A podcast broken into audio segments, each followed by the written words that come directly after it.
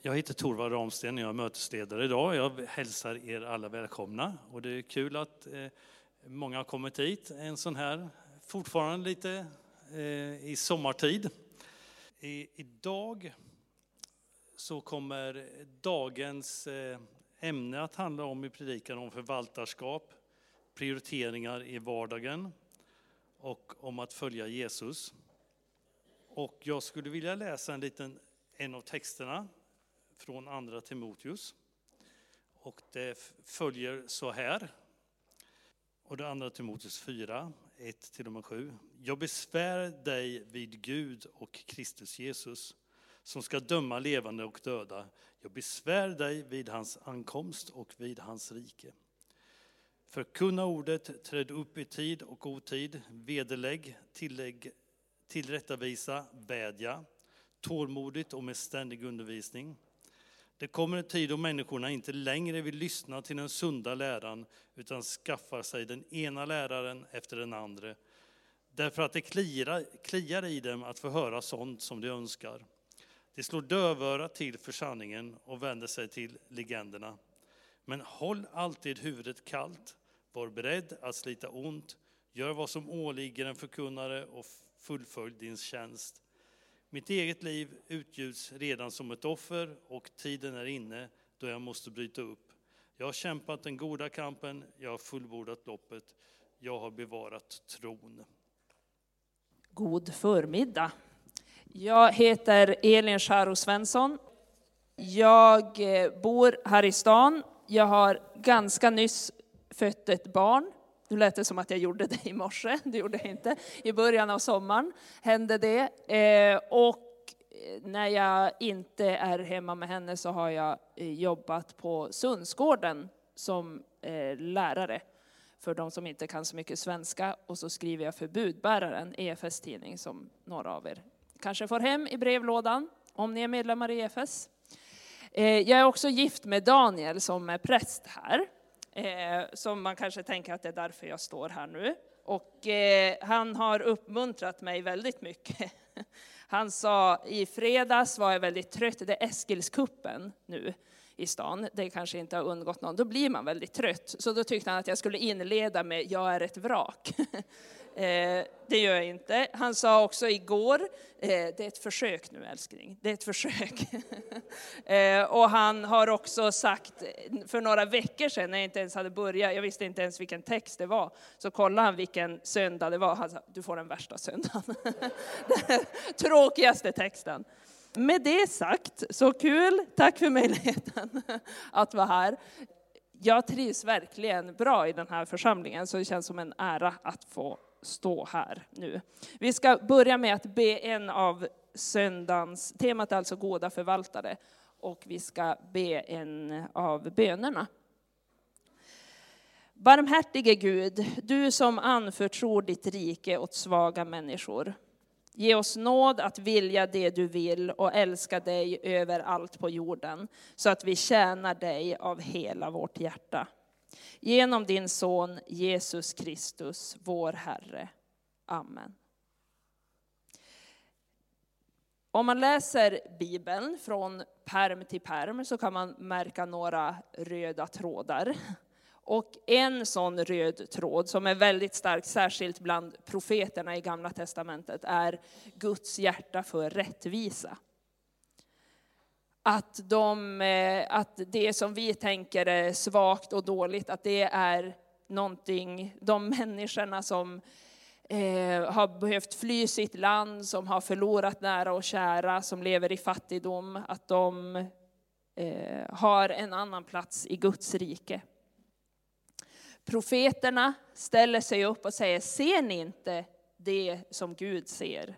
Det är som att Gud har vänt profeterna rätt så att de ser hur upp och ner allting i samhället och i, bland Guds folk egentligen är. Om man inte vänds rätt av Gud så kan man tro att jo, men allt är precis som det ska. Men när vi närmar oss Gud och präglas av hans hjärta så kan vi se det som verkligen är upp och ner, som är förvrängt, det som inte är som det ska vara. Och en av de här profeterna är Amos. Och den gamla testamentliga texten idag är från Amos 8, vers eh, 4-7. Hör detta ni som trampar på de fattiga och utrotar de svaga i landet. Ni säger, när är nymånadsfesten över så att vi kan sälja säd och sabbaten så att vi får öppna kornboden? Då ska vi minska måtten och lägga på priserna och fuska med vågen, köpa de fattiga för pengar och de nödställda för ett par skor och sälja spillet som säd. Herren har svurit vid Jakobs stolthet att aldrig glömma något de gjort. Och det är tydligt att det här handlar om en annan tid. Vi, jag, jag, vet inte hur det är med er, men jag har aldrig firat någon nymånadsfest och kornbod och det finns många grejer i den här texten som inte känns jätteaktuellt för oss. Men det finns också väldigt mycket som liknar vårt samhälle, som kanske trampar på de fattiga, de, de svaga i landet utrotas och så vidare. Och det Amos gör, som så många profeter eh, i Bibeln, är att han pekar på våra hjärtan. För våra hjärtan har ett djupt fel i sig, att vi fokuserar på oss själva mer än på andra. Eh, det är splittrat, vi söker vår egen vinning eh, framför det som är gott för vår nästa. Och det här sprider sig i samhället. Det som, det som är fel i samhället är också fel i oss. Det som är fel i oss är också någonting som kan vara fel i världen. Vi ser, om vi kollar runt omkring oss, så ser vi väldigt stor individualism. Du ska, du ska tänka på dig själv, känn själv vad som är bäst för dig. Eh, gör så att du tjänar så mycket pengar som möjligt, hitta den bästa dealen du kan.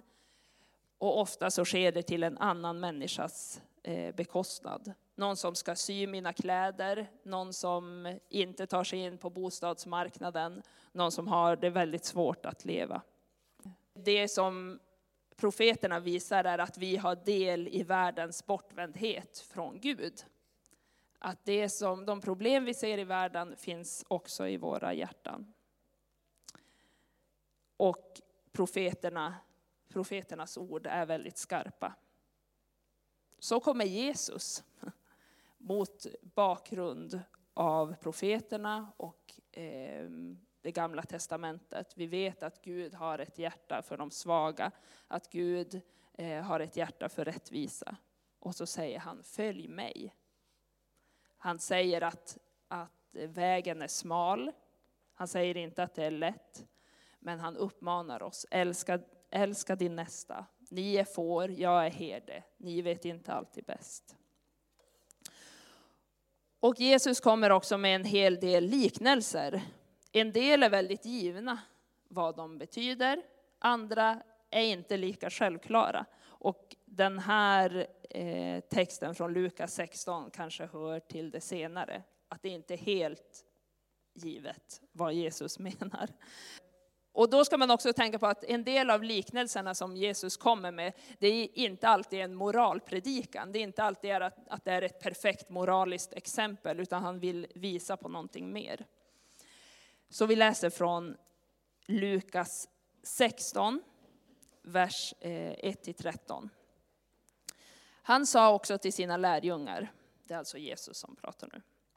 Det var en rik man som hade en förvaltare och denne beskylldes för att förskingra hans förmögenhet. Mannen kallade till sig honom och sa, vad är det jag hör om dig? Lämna in dina räkenskaper, du kan inte vara kvar som förvaltare.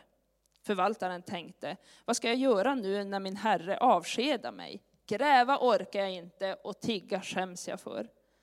Jo, jag vet vad jag ska göra så att folk tar emot mig i sina hus när jag mister min tjänst. Han skickade efter dem som var skuldsatta hos hans herre, en i sänder och frågade den första hur mycket han var skyldig. Hundra krus olja, svarade mannen. Då sa han, här är ditt skuldebrev, sätt dig genast ner och skriv 50. Sen frågade han näste man, och du, hur mycket är du skyldig? Hundra tunnor vete. Då sa han, här är ditt skuldebrev, skriv 80. Vi pausar här lite efter vers 7. Det här har jag aldrig förstått, men folk som vet lite mer än mig och skriver böcker om det, eh, säger att det här kan antingen vara att den här mannen tar bort räntan. Man skulle inte ta ränta för, eh, för pengar som jude när man tillhörde Guds folk. Men då kunde man lägga på lite extra när det handlade om saker som olja eller vete. Och då skulle då räntan vara, eh, räntan är högre på olja än på vete och därför det är lite skillnad mellan de här två. Det skulle också kunna vara så att han tar bort sin egen del, att han hade lagt på extra för att få själv som förvaltare eh, och att han tar bort det. Så antingen så tar han bort räntan från lånet eller sin egen del. Eh, men oavsett vad så får han då den här responsen från vers 8. Och Herren berömde den ohederlige förvaltaren för att han hade handlat klokt. Så att det är tydligen en smart eller finurlig grej som han har gjort här. Och sen säger han, denna världens människor beter sig klokare mot sina egna än ljusets människor gör. Ja, jag säger er, använd den ohederliga mammon till att skaffa er vänner som tar emot er i evighetens hyddor när mammon lämnar er i sticket. Den som är trogen i smått är trogen också i stort. Och den som är ohederlig i smått är, också, är ohederlig också i stort. Om ni inte har varit trogna i frågan om den ohederliga mammon, vem vill då anförtro er det som har verkligt värde? Om ni inte har varit trogna i fråga om andras egendom, vem vill då ge er det som ska tillhöra er? Ingen tjänare kan tjäna två herrar. Antingen kommer han att hata den ene och älska den andra, eller att hålla fast vid den ene och inte bry sig om den andra. Ni kan inte tjäna både Gud och mammon. Mammon är, är alltså rikedom eller pengar. Eh, och även om det här är en text där det kanske finns vissa frågetecken så finns det också en del saker som är väldigt tydligt. Till exempel Ingen kan tjäna två herrar. Antingen kommer han hata den ena och älska den andra eller hålla fast vid den ene och inte bry sig om den andra. Ni kan inte tjäna både Gud och mammon. Men i liknelsen om den här ohederliga förvaltaren så visas det ändå ett exempel på att pengarna ska användas listigt och klokt att mammon, att pengarna ska användas till att skaffa sig vänner, inte land, prylar eller makt. Och det är en uppmaning att vara trogen i det lilla. Är man trogen i smått så är man trogen i stort. Det är som att Gud säger att det, i det ni har fått så har ni en chans. Vad gör ni av den? Vad har vi för karaktär när det kommer till pengar, tid och kärlek? Men tillbe inte pengar, fokusera inte för mycket på pengar, lev inte för pengarna. Jag vet inte hur er sommar har varit, jo vissa, för vissa vet jag, men inte för er as a whole. Eh, min sommar har handlat obehagligt mycket om pengar. Det är lågkonjunktur, det är föräldraledighet, ganska många barn som vill väldigt många olika saker. Och jag har nog tänkt på pengar mer än någonsin tidigare. Och det är så fruktansvärt obehagligt. Jag vet inte om ni också har varit i någon sån tid i livet då det bara har handlat ganska mycket om pengar. Och frågan man ställer sig när man ställer sig kommer inför någonting är oj, vad kostar det här? Det här blir ju jättedyrt. Och så är man i Danmark, då måste man börja räkna. måste man börja räkna, hur, hur blir det här? Eh, det blir väldigt mycket. Så att, jag har märkt att jag har tänkt på pengar på kvällen, jag har tänkt på pengar på morgonen, framförallt när det är lunch och middag. Eh, någon som också tänker mycket på pengar är Gud, om man tänker på Bibeln. För Bibeln säger väldigt, väldigt mycket om pengar. Jättemycket. Och i Jesus undervisning handlar också väldigt mycket om pengar. Så tydligen har han någonting att säga om det. Det är inte två separata världar. Min andliga värld och sen pengavärlden där jag får göra vad jag vill. Tydligen så gör pengarna någonting med oss. Men tydligen så gör pengarna också någonting med andra, att vi kan använda det på ett bra sätt. Jag hörde en gång ett, ett citat som översatt eh, är typ, hur du använder dina pengar är ditt sätt att rösta på vad som finns i världen. Att genom våra pengar så får vi rösta på vad som, vad som ska finnas. Vad vill vi, hur vill vi prioritera med våra pengar?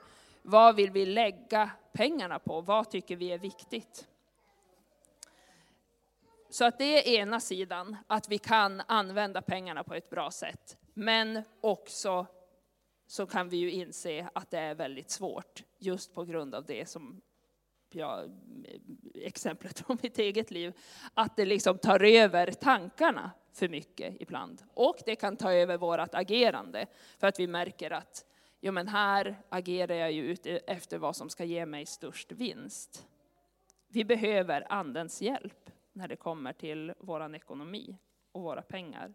Hur man ska hantera eh, det här svåra. För att kärleken till pengar, eh, vi, hör, vi hör till den rikaste delen av världen. Vi har det väldigt, väldigt bra. Men även om man anser sig vara fattig eller lever i en fattigare del av världen så kan kärleken till pengar vara minst lika förekommande även där. Så vi behöver Andens hjälp i det här. För förlåtelse, för att det här är ett område där vi verkligen kan blomma ut som eh, individualister och tänka på oss själva. Det är någonting där jag i alla fall tror att man behöver ha ett aktivt motstånd och ge och vara, träna sig i generositet för att bli fri från det. Men vi behöver framför allt Andens hjälp och vi behöver bli förlåtna, befriade och ledda in på rätt väg. Det kan handla om träning och en viljeriktning, men av Guds nåd att få leva med öppna händer. Att ta emot det som Gud ger oss och se att det här är fantastiska gåvor. Det som vi får av liv, vi får leva en dag till. Det vi får av kärlek, det vi har fått av nåden, vi får ge det vidare. Men också det materiella goda som vi har. Att det får vi ta emot, men vi stänger inte händerna. Vi roffar inte åt oss och säger att det här är mitt. Utan våra händer är öppna och redo att ge vidare till någon som behöver det mer. För Gud är god, Gud är väldigt generös och han ger ymnigt av goda gåvor. Han är den som ger i överflöd. Av allt möjligt till olika människor. Vi får ta emot och ge vidare till andra. Vi får ta emot evangeliet och ge vidare det till andra. Vi får ta emot förlåtelsen för att också kunna förlåta andra. Vi får ta emot hans kärlek så att vi inte försöker älska andra och liksom ösa ur våra egna källor. Utan vi får ge vidare av Guds kärlek. Men också våra pengar, så är det goda nyheter att vi får dela med oss av det. Det är fantastiskt att få göra det. Det är liksom inget som vi, åh, nu behöver jag göra det här, utan det kan vara en, inte bara dit pengarna kommer, till den person som får del av det som du har haft en gång, utan också för oss kan det få bli en befrielse. Tänk att få vara en generös människa. Jag är säker på att ni alla har träffat någon generös människa någon gång. Och det är fantastiskt att få vara i deras närhet. Och jag är säker på att ni också har träffat ganska giriga och snåla människor. De är inte jättesköna att vara med. Men tänk att få vara, med Guds hjälp, få vara generös. Att få träna sig i att det här är inte mitt. Det här är till låns och jag får ge vidare det till andra. Att när man möter ett behov att vara snabb på att säga, ja men jag har en del över, du får av det. Och att träna sig på att lita på Gud. Det här tror jag är något som vi alla behöver träna på, framförallt i den här delen av världen där vi har det väldigt gott ställt. Oavsett eh, konjunkturen så har vi det väldigt, väldigt bra. Det är ingenting som egentligen är vårat, utan vi har det till låns. Och Saltarsalmen, psalm 8, påminner oss om det. Alltså psalm 8. Herre vår härskare, väldigt är ditt namn över hela jorden. Jag vill besjunga din himmelska prakt med ett barns, ett dibarns mun. Du har rest ett värn mot dina fiender för att betvinga ovän och hämnare. När jag ser din himmel som dina fingrar format, månen och stjärnorna du fäste där, vad är då en människa att du tänker på henne, en dödlig att du tar dig an honom?